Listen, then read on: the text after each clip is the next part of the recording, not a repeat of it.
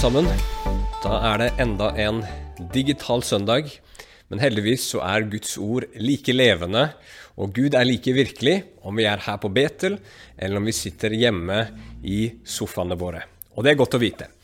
Men det betyr jo selvsagt ikke at vi slutter å be om at denne krisen skal ta slutt, og vi skal få mulighet til å samles her igjen, slik vi har gjort tidligere. Minner bare kort om Facebook-gruppen vår hvis du ikke er med der. Den heter Aktive på Betel Nærbø. Minner også om at vi har bønnemøte på Skype hver morgen fra tirsdag til lørdag fra 8 til 9. Der kommer vi kanskje til å skifte program. Eh, det gir vi mer beskjed om når det i så fall skjer. Eh, neste søndag klokka seks så regner vi med å ha en digital nattverdsgudstjeneste, slik vi har gjort tidligere. Det vil dere også få mer informasjon om, både på e-post og på Facebook. Men nå skal vi inn i Guds ord igjen, og jeg gleder meg over at vi igjen skal inn i denne veldig merkelige og spesielle boka i Det nye testamentet som heter Johannes' åpenbaring. Den er spesiell fordi den er så full av bilder som kan være vanskelig å forstå. Men den er også spesiell fordi at den tar for seg sånne abstrakte temaer som kampen mellom det onde og det gode i den åndelige verden, og de tingene som skal skje når historien kommer til sin ende. Men det er også en bok, og det er derfor jeg syns den er så interessant, som handler om vårt liv her og nå i denne verden.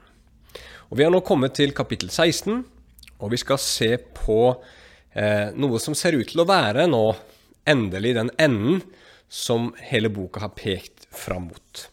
Sist gang så, så vi at Gud han forberedte seg på å øse ut sin endelige vrede over verden. Og vi brukte litt tid på å prate om det, at Gud gjør det nettopp fordi han er god, og fordi han er mot alt som er ondt. Og nå skal vi se at Gud gjør det gjennom syv engler som får hver sin skål med Guds vrede som skal øses utover jorda. Og vi skal snakke litt om hvorfor Gud gjør det på akkurat denne måten her. Tittelen i dag er En siste sjanse, og vi skal se i dag at eh, Gud ved sin vrede for det første avslører avgudene, for det andre bringer rettferdighet, og for det tredje er et siste nådekall. Så Gud skal avsløre avgudene, bringe rettferdighet og gi et siste nådekall gjennom sin endelige uttømming av sin vrede.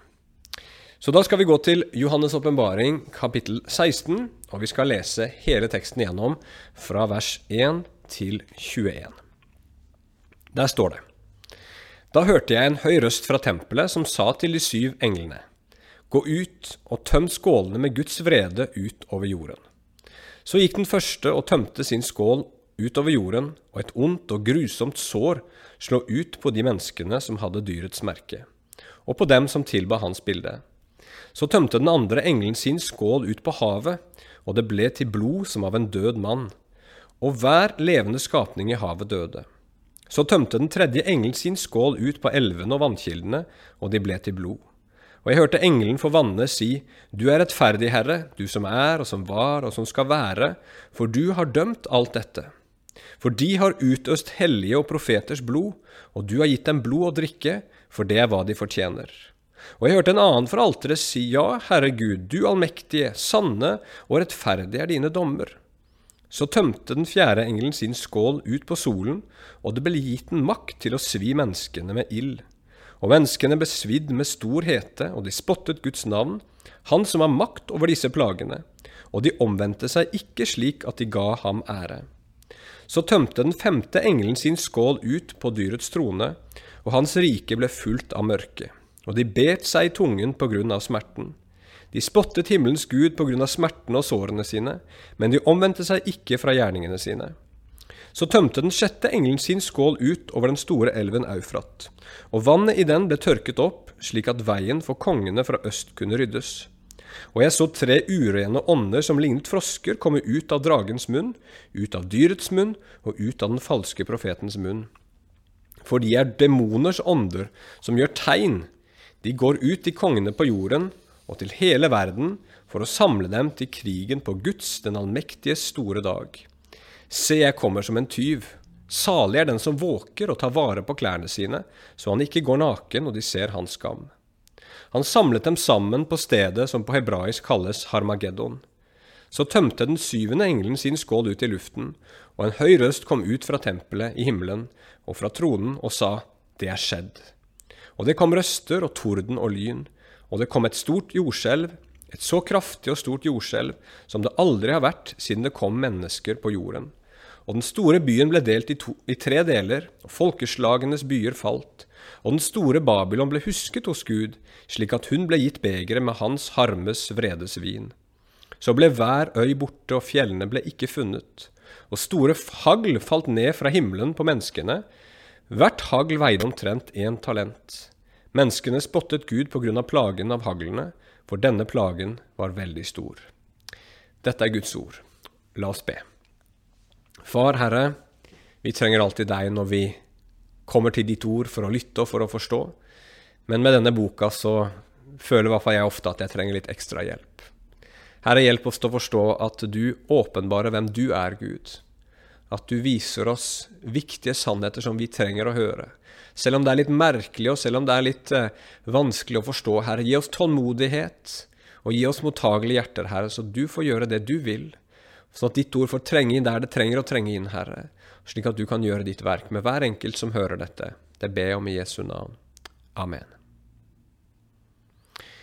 Da begynner vi med det første punktet. Guds vrede avslører avgudene.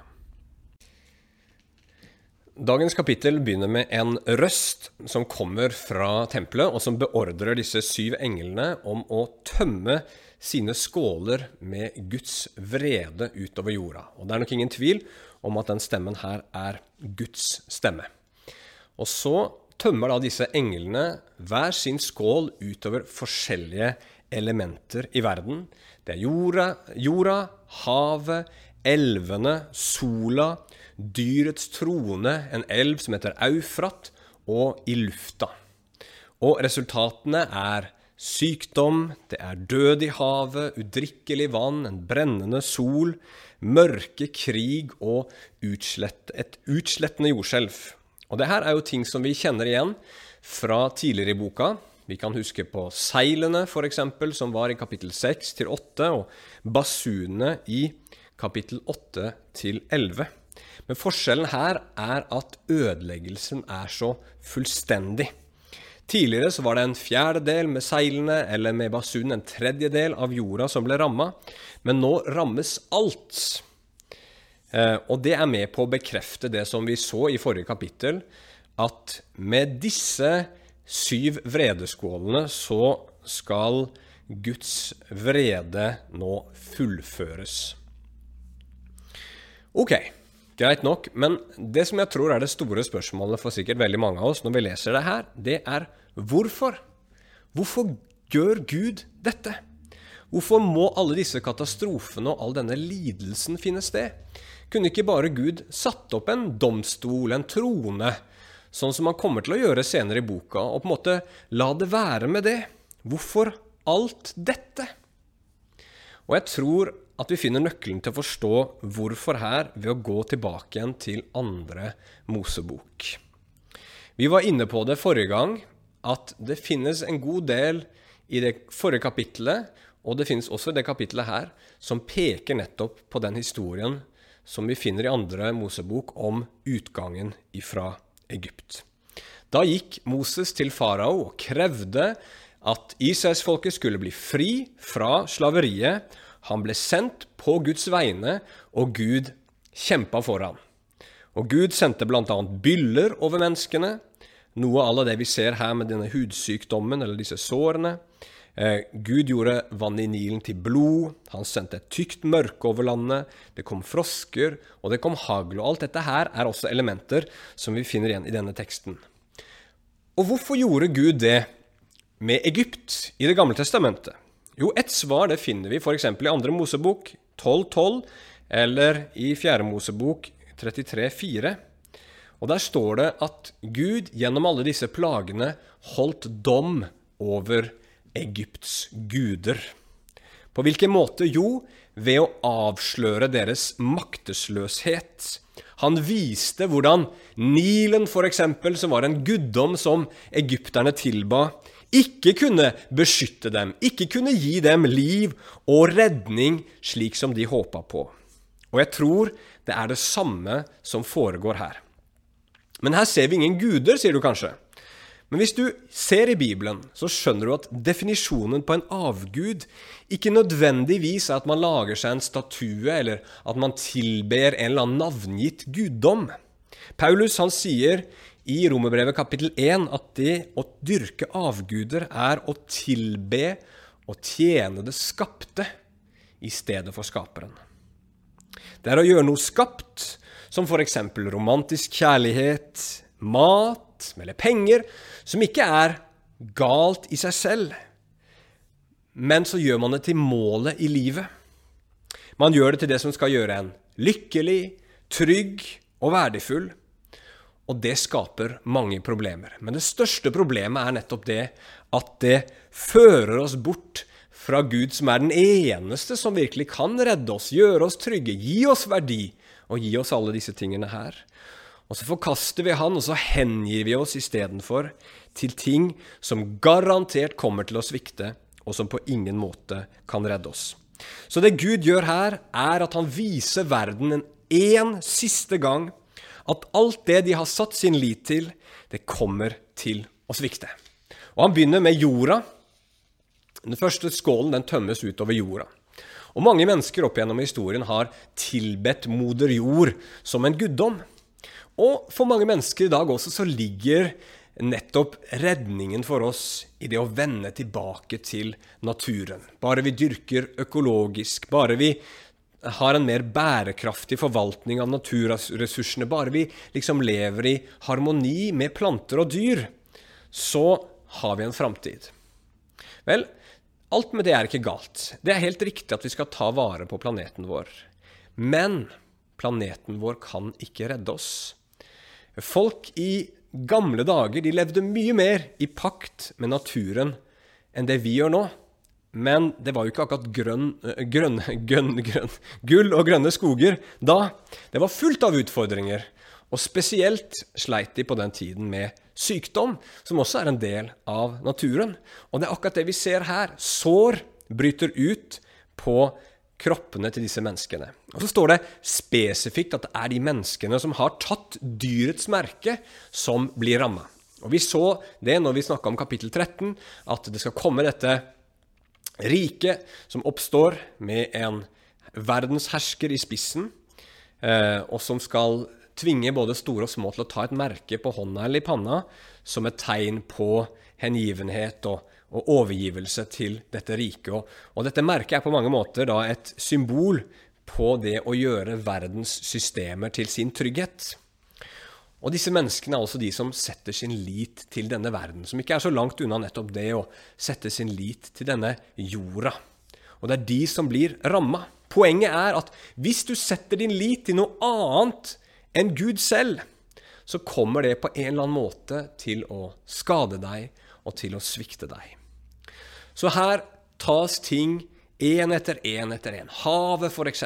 Havet ble jo dyrka som en gud i det gamle Hellas, f.eks. Der kalte de havet for Apollon.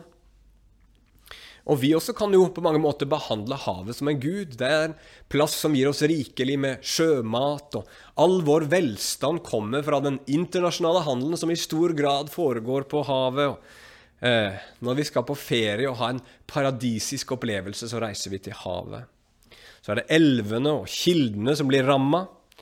Eh, mange steder så tilber man faktisk elver som guddommelige. Alle, de fleste byer er bygd enten ved en elv eller ved havet eller ved en kilde. Fordi de gir vann, de gir kraft, og de gir handelsmuligheter. Så er det solen som blir ramma, og solen er kanskje det, det elementet i tilværelsen som har blitt mest tilbedt opp gjennom historien. Og interessant nok så knytter veldig mange mennesker vårt framtidshåp i dag til solen, og man tenker på solen som en kilde til fornybar energi. Og man sier noe sånt som ja, vi trenger ikke forandre måten vi lever på. Solen skal gi oss den energien som vi trenger, og solen er en evig og endeløs eh, energikilde. Men solens stråler er ikke harmløse. Det er sånn at På denne jordkloden så blir vi beskytta av et ozonlag, og vi blir beskytta av jordas magnetfelt, som hindrer de fleste av de skadelige strålene fra sola å treffe oss. Men hvis noe av dette svikter, hvis ozonlaget eller magnetfeltet svikter, da vil solen skade oss. Og det ser ut her som om dette på en eller annen måte vil svikte. Og vannet kommer til å bli som blod av en død mann. Altså kommer havene og, og, og, og vannkildene til å bli udrikkelige, giftige og stinkende. Og så er jo spørsmålet med alt dette her Vil dette skje ved en direkte inngripen, inngripen fra Gud, eller kommer dette her til å være en konsekvens av forurensning og, og våre dårlige valg? Det vet vi ikke. Det er også usikkert om dette her er symbolsk språk. Det har vi vært inne på tidligere, at de kanskje ikke nødvendigvis snakker om, om havet og, og, sola, men at det er symboler på, på, andre ting i denne verden her. Men, men, uansett så er poenget veldig tydelig. Alt som er i denne verden, og som vi håper på, stoler på og forventer skal gi oss framtidshåp, det vil svikte. Den femte skålen den blir tømt utover dyrets trone. Det har vi vært inne på at var et rike, og det å tilbe statsmakten det er en vanlig avgudsdyrkelse også i vår tid. Vi forventer at staten skal sørge for våre behov, at staten skal beskytte oss. Tidligere så, så, så vi hvilken beundring dette dyret fikk. Og de spurte til og med hvem er som dette dyret, og hvem kan føre krig imot det? De var så sikre på at den statsmakten vi har fått her, den er uslåelig. Den er 100% sikker. Men så viser det seg også her da at denne statsmakten heller ikke er uovervinnelig og allmektig. Et mørke kommer over riket, står det.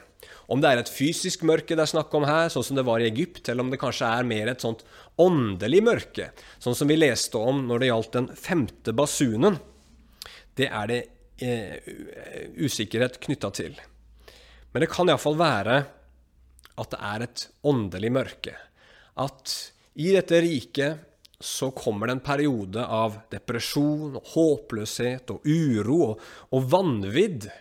Og det er kanskje ikke så rart i lys av alt det andre vi nettopp har hørt om. Hvis elementene på en måte blir så ødelagte rundt oss, og hele livsgrunnlaget vårt tas bort, så er det ikke så veldig mye igjen å leve for, og det bringer håpløshet og desperasjon. Og Folk blir også plaga av de sårene de har fått tidligere, står det her. Og, og så er poenget at dyret kan ikke hjelpe dem. Dyret som de har satt sin lit til, denne statsmakten, kan ikke hjelpe dem. Og Det er litt av det vi ser nå også, eh, i, i, en tid hvor vi har levd med fred og, og, og stabilitet. Så ser vi denne krisen som plutselig dukker opp nå med dette koronaviruset. Og så ser vi på en helt ny måte hvor avmektig og hvor hjelpeløs statsmakten veldig ofte kan være. Den sjette skålen er interessant. Den tømmes over elven Eufrat. Og Det er en stor elv som går gjennom dagens Irak, og var eh, på den tiden eh, og, og i, i, i, tidligere tider da, hovedåren inn til, til Babylon og en naturlig forsvarsmur på veldig mange måter for hærstyrker som kom fra øst. For Romerriket også på den tiden så var Eufrat den østlige grensen. Og det fortelles at da Babylon falt sist gang, du vet det riket som bortførte israelittene fra Jerusalem, eh, da var det en perserkonge som heter Kyros, som kom og inntok Babylon. Og han kunne gjøre det nettopp fordi at Eufrat hadde tørka opp. Så her kan det være symbolsk, eller det kan være fysisk, men iallfall så er det en hindring som blir tatt bort. Og resultatet er at dette her på en måte skal lede fram til eh, et siste slag, til krigshandlinger av noe slag. Og nå ser vi at dette riket som eh, vi har hørt om tidligere, hvor dette dyret regjerer, hvor det også fantes en falsk profet, som vi har snakka om tidligere, og hvor dragen, eh, djevelen, står bak alt sammen, de Eh, det kommer frosker, som er noen slags onde ånder, da, ut av munnene deres, og som går ut, og som forfører folkeslagene og kaller dem til å bli med på en eller annen slags krig. Og den krigen den står det ikke her helt tydelig hvem eh, kommer til å, å, å, å foregå mot. Det, virker som om dette her handler om den endelige konfrontasjonen mellom Gud og mennesker, som Bibelen snakker om mange ganger både i Det gamle og Det nye testamentet. Eh, ofte så blir den eh, malt som en kamp mellom folkeslagene og Israel. Kan det være at dette her er en slags siste verdenskrig, hvor Israel skal spille en sentral rolle? Vil det kanskje medføre indre splid og, og, og, og, indre strid, sånn som det ofte skjedde når Gud redda Israel fra deres fiender? At det er en slags sånn kaotisk situasjon som oppstår i den siste tid? Målet er i hvert fall Harmageddon, står det her. Det er plassen som Gud skal samle alle disse verdens mektige hærer på. Og det er en litt sånn mystisk benevnelse. Det betyr Megiddos fjell, eh, som kan bety eh, slaktens fjell. Eh, det kan også referere til Megiddo-sletten, eller Israel i Israel, hvor eh, mange kamper fant sted i Det gamle testamentet, og hvor mang en konge og hær ble dømt og slått av Gud. I hvert fall så er det veldig tydelig at her skal det finne sted en konfrontasjon, hvor Gud skal dømme folkeslagene. Og kanskje er det nettopp militærmakt som avgud som dømmes her. Det har vært en avgud for mange riker opp gjennom historien. Og så viser Gud at militærmakten, den, den, den, eh, den svikter, den også. Så kommer vi til den syvende engelen. Og den syvende engelen tømmer sin skål ut i lufta. Og hva er det en dom over? Kanskje er det en dom over han som er fyrsten over luftens makt, ifølge Efeserbrevet 2.2, dvs. Si djevelen. Og Det kan stemme med det som vi leser senere i Johannes' åpenbaring, at når Jesus kommer tilbake, så skal han nettopp gripe djevelen, den gamle slangen, og så skal han bli dømt. Og han kalles jo i Johannes' åpenbaring han som forfører hele verden. I 1. Korinterbrev 10, vers 20 så står det at bak alle menneskelige avguder så er de onde åndene og djevelen representert. Bibelen forklarer også at bak all menneskelig makt i denne verden så står nettopp den onde. Og Derfor så passer det veldig godt her at når denne vredeskålen blir tømt ut over luften, over luftens makt, ja, da faller jordens riker. Den store byen som vi allerede har snakka om, blir, blir, delt i tre pga. et kraftig jordskjelv. Og det minner om hebreerbrevet òg, som sier at, at alt skal rystes i den siste tid. Vi ser at folkeslagenes makt blir rysta og knust, og den store Babylon, som vi allerede har beskrevet som verdens ånd, får eh, vredens harmesvin ifra Gud å drikke. Alt dette her som denne verden består av, blir dømt. Og Gud han åpenbarer gjennom dette at alle de faste holdepunktene i denne verden, de svikter. Og Gud gjør det så tydelig som mulig at dette her skjer gjennom stor smerte. Og grunnen, tror jeg, er at du og jeg, vi henger så fast ved disse falske gudene. Det ligger så i vår natur at vi har enormt vanskelig for å ta inn over oss og innrømme at de kommer til å svikte oss. Og jeg tror dette her er, som jeg har vært inne på tidligere også, en slags illustrasjon ifra Gud. Han sier at alle disse katastrofene som, som, nå rammer verden, egentlig bare peker fram mot en mye større katastrofe som er på vei. All denne smerten som verden opplever nå, bare peker fram imot en mye større sverte som er på vei, nemlig fortapelsen, det å leve uten Gud i all evighet.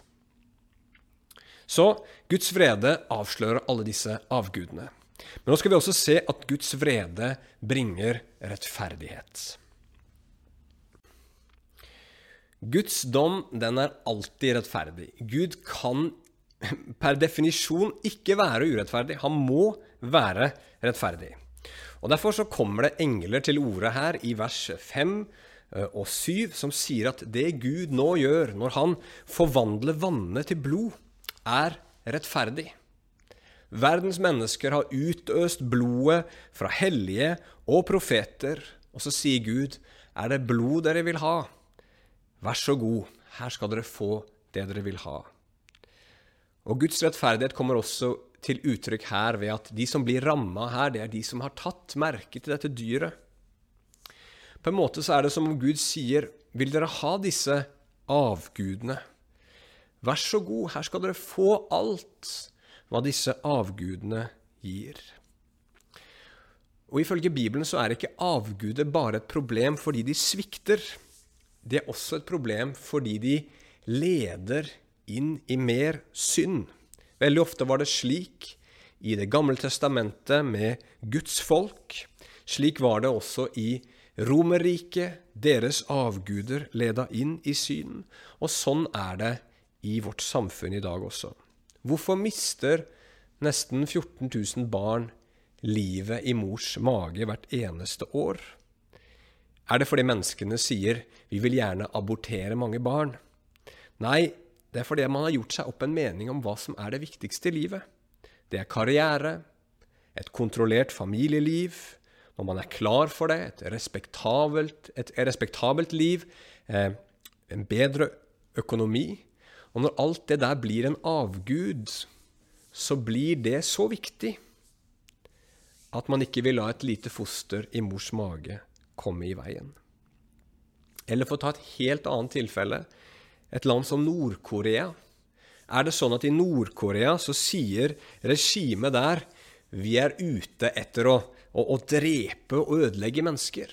Nei, men de er ute etter å opprettholde statsmakten for enhver pris. Og det fører til blod. Uskyldig blod av både kristne og andre. Så Bibelen er veldig tydelig på det at når vi følger avgudene, når noe i denne verden blir livsviktig for oss, så fører det veldig ofte til at vi får uskyldig blod på hendene. Så Gud han sier her deres valg det fører til blod. Og la meg vise dere hva dere egentlig velger. Dere skal få hva dere vil ha. Han sier, vil dere ta dette dyrets merke på deres kropp? Ja vel, jeg vil vise dere i så fall hvilken sykdom det virkelig er. Vil dere stole på dette dyrets trone? Ja vel, da skal jeg vise dere hva det, det, denne tronen egentlig er bygd på. Den er bygd på åndelig mørke. Vil dere stole på hav og elver? Her skal dere få se at uten meg så bringer alt dette bare død. Vil dere bygge deres liv på solens kraft? Her skal dere få se hva solens kraft virkelig er. Vil dere stole på deres militære makt? Ja, men her er Dette er essensen i det som den militære makten bygger på. Død og ødeleggelse. Vil dere følge denne verdens ånd? Ja vel, men sannheten er at denne verdens ånd er bygd på onde krefter og det er det som driver oss mennesker. Og disse onde kreftene skal bli dømt, og da skal vi også bli dømt med dem. Så igjen er det som om Gud illustrerer og prøver å forklare for oss med de rettferdige handlingene han gjør i denne dommen, at det kommer en mer og mye mer alvorlig dom en dag som har evige konsekvenser. En dom hvor Gud sier vil dere ikke ha meg som deres Gud? Ok, det skal dere få, og her er hva det betyr. Og så er det fortapelsen. Men det siste poenget mitt er at Guds vrede er et siste nådekall. Hvorfor bruker Gud tid ved historiens ende på å avsløre avgudenes avmakt og la menneskeheten få smake hans rettferdighet på den måten der? Jo, fordi Gud fortsatt vil at alle mennesker skal bli frelst og komme til sannhetserkjennelse, slik det står i 1. Timoteus 2,2. Han vil fortsatt at alle mennesker skal vende om. Og dette her er da som sagt et siste nådekall ifra Gud. Og vi ser det veldig tydelig her ved at det står at, spesifikt at de ikke vendte om, men at de spotta Gud tre ganger istedenfor. Og det fins liksom et håp i teksten her, eh, sånn som vi så med basunen om at det kanskje er det noen som vender om. Men de vil ikke gi ham ære, står det spesifikt i vers 9. De vil ikke ha Gud som sin Gud. De får alle muligheter, men de beseiler sin dom og de forkaster denne siste muligheten. Så kommer det også en advarsel her til alle oss som bekjenner oss som kristne. Plutselig, mens det er snakk om denne siste krigen som skal komme, så kommer Jesus til orde, og så sier han, Se, jeg kommer som en tyv. Og det er ord som er henta fra eh, kapittel 3 i samme bok, men som også er et kjent tema fra evangeliene. Det betyr at Jesus kommer tilbake når man minst venter det. Tyven kommer når vi minst venter, og Jesus også kommer når vi minst venter. Og Derfor må vi alltid være våkne. Og hva vil det si? For mange kristne på denne tiden, da dette ble skrevet, så var det en fristelse å gå på kompromiss. I Romerriket så var det ganske stor toleranse for gudsdyrkelse. Du kunne i grunnen be til den guden du ville, så lenge du en gang i året brant røkelse for keiseren for å vise at du anerkjente hans guddomsmakt. Hvis ikke du gjorde det, så kunne det få alvorlige konsekvenser. Det var også sånn at Hvis du hadde et håndverk og ville lykkes i det håndverket, så var det viktig å være med i et laug. Og disse laugene de hadde veldig ofte blitt via til en eller annen romersk gud. Og Skulle du være med i dette lauget og få litt økonomisk suksess, så måtte du da selvsagt ofre til denne guden. Så hvis du valgte i det romerske riket å være tro mot Jesus, så betydde det både sosial og arbeidsmessig og kanskje til og med juridiske konsekvenser. Men hvis du bare inngikk et lite kompromiss, hvis du bare var villig til å brenne litt røkelse for, for, for keiseren og gjøre et lite avgudsoffer her og der, så vil det gjøre ting så mye enklere for deg i Romerriket. Men Jesus sier, ta vare på klærne dine. Vær trofast imot meg like til slutten. Stå fast på den jeg er, og på det jeg har gjort for deg. Sats alt på meg. Hvis ikke, så står du naken. For det du har satt din lit til, det kommer til å svikte hvis det ikke er meg. Og dette er et spørsmål til oss i vår tid også. Har vi inngått kompromiss i våre liv på det moralske området med sex eller penger for å få makt og for å få anerkjennelse? Eller har vi inngått kompromiss på det teologiske området og forkasta det som Bibelen sier om Jesus som eneste vei, eller troen på fortapelsen eller ekteskapet? Da må vi huske på at Jesus kommer som en tyv. Det fins nåde akkurat nå, men den nåden, sier Bibelen, tar slutt en dag. Men så får vi også til slutt her en siste påminner om korset. Idet vi hører om alle disse dommene og Guds vrede som rammer jorda, så er det flere ting her som peker nettopp på Jesus sitt kors. Noen er veldig tydelige. Du kan sikkert huske da Jesus hang der på korset, så kom det et mørke over landet. Akkurat sånn som det gjør her ved den femte eh, vredeskålen. På slutten, ved den syvende vredeskålen her, vredeskålen her, så ropes det ut noe som ligner på det Jesus ropte på korset. Det er skjedd, står det her. Og Jesus ropte, det er fullbrakt. Da Jesus døde, kom det et jordskjelv, og det gjør det også her. Og da Jesus var i Getsemane, så holdt han nærmest i sine hender denne skålen, denne, dette begeret med Guds vrede som han ba om at skulle få gå ham forbi, men bare hvis det var Guds vilje. Og her står det at Babylon må da drikke av dette Guds vredesbeger. Det fins enda flere litt mindre synlige tegn, kanskje, men jeg tror de er der. Jesu hud, når han ble pint og plaga, var full av sår. Hans blod rant. Han hang i solsteiken og ble brent av solen før dette mørket kom. Og Jesus han oppga den militære makten som han kommanderte, da han ikke ba Gud om å sende han flere legioner med engler for å redde han. Og det jeg tror Gud sier her til syvende og sist, det er at han sier en siste gang til verden, og at han vil også minne deg og meg på det igjen i dag. At Guds vrede, den kommer, den må komme, fordi Gud er en god og en rettferdig Gud. Men det fins en måte å flykte fra vreden som kommer, og det er gjennom Jesus Kristus. Hvordan kan vi flykte fra vreden som kommer, sånn som Johannes døperen uttrykker det? Jo, fordi Jesus Kristus allerede har båret Guds dom, båret Guds vrede på korset, sånn at vi skal gå fri. Og her sier Gud til verden en siste gang. Han minner dem på korset. Han minner dem på det Jesus gjorde. Han sier det trenger ikke være sånn. Vend om til meg. Velg å stol på meg. Velg å tro på meg. Så vil jeg frikjenne dere, rettferdiggjøre dere, gjøre dere til mine barn. Du ser gjennom hele denne vredesdommen at Guds kjærlighet mot menneskeheten ikke opphører. Han gir dem en aller siste sjanse. Gud er sen til vrede, står det i Bibelen. Hvor sen er han til vrede? Hvor tålmodig er han med oss?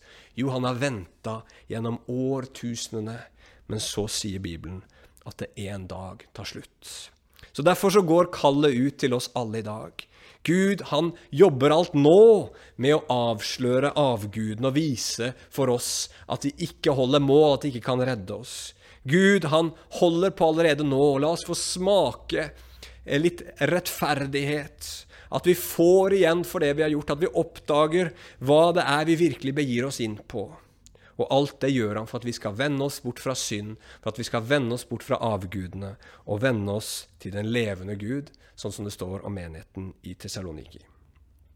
Skal vi be til slutt. Kjære himmelske Far, jeg ber om at disse ordene her, Gud, som på mange måter er alvorlige ord, og som ikke er det, det budskapet som man smiler mest over, Herre, allikevel skal få gjøre noe i våre liv. At vi skal bli minnet på igjen at alt det vi stoler på i denne verden, det vil svikte oss men at den som gjør din vilje, den som stoler på det du har gjort, forblir til evig tid. Herre, velsign hver og en som hører på dette, og la det bli levende i hjerten deres, og la det bringe omvendelse og tro på evangeliet. Amen. Da vil jeg avslutte i dag også med å lyse velsignelsen over dere. Vår Herre Jesu Kristi nåde, Guds kjærlighet og Den hellige ånds samfunn være med dere alle. Amen. Takk for i dag, og så ses vi igjen.